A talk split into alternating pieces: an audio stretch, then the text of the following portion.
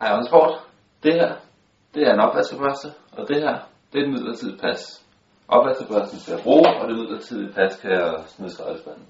Fordi vi skulle have været til Sydafrika nu, men vores pas de er i Hvide Rusland, fordi vi skal have visum til Hvide Rusland senere, når vi skal gøre VM derovre. Og derfor har vi ikke noget pas, så tænkte vi, vi ringer til den sydafrikanske ambassade og spørger, om det er okay at rejse ind i Sydafrika med et midlertidigt pas, som det her er på vej til at smide ud. Og det er helt fint, siger de, indtil vi står ude i lufthavnen i dag. Og så kan vi ikke komme ind. Det får at vide, at jamen, det går ikke, og vi må bare tage hjem igen. Øhm, så ja, vores træningslejr den er udsat, og vores måneds træningslejr her i Sydafrika, den er udsat, og vi skal først afsted på onsdag. Men det betyder altså, at jeg kan komme hjem og tage opvasken i stedet for. Måske er det meget godt, den ikke står i måneder.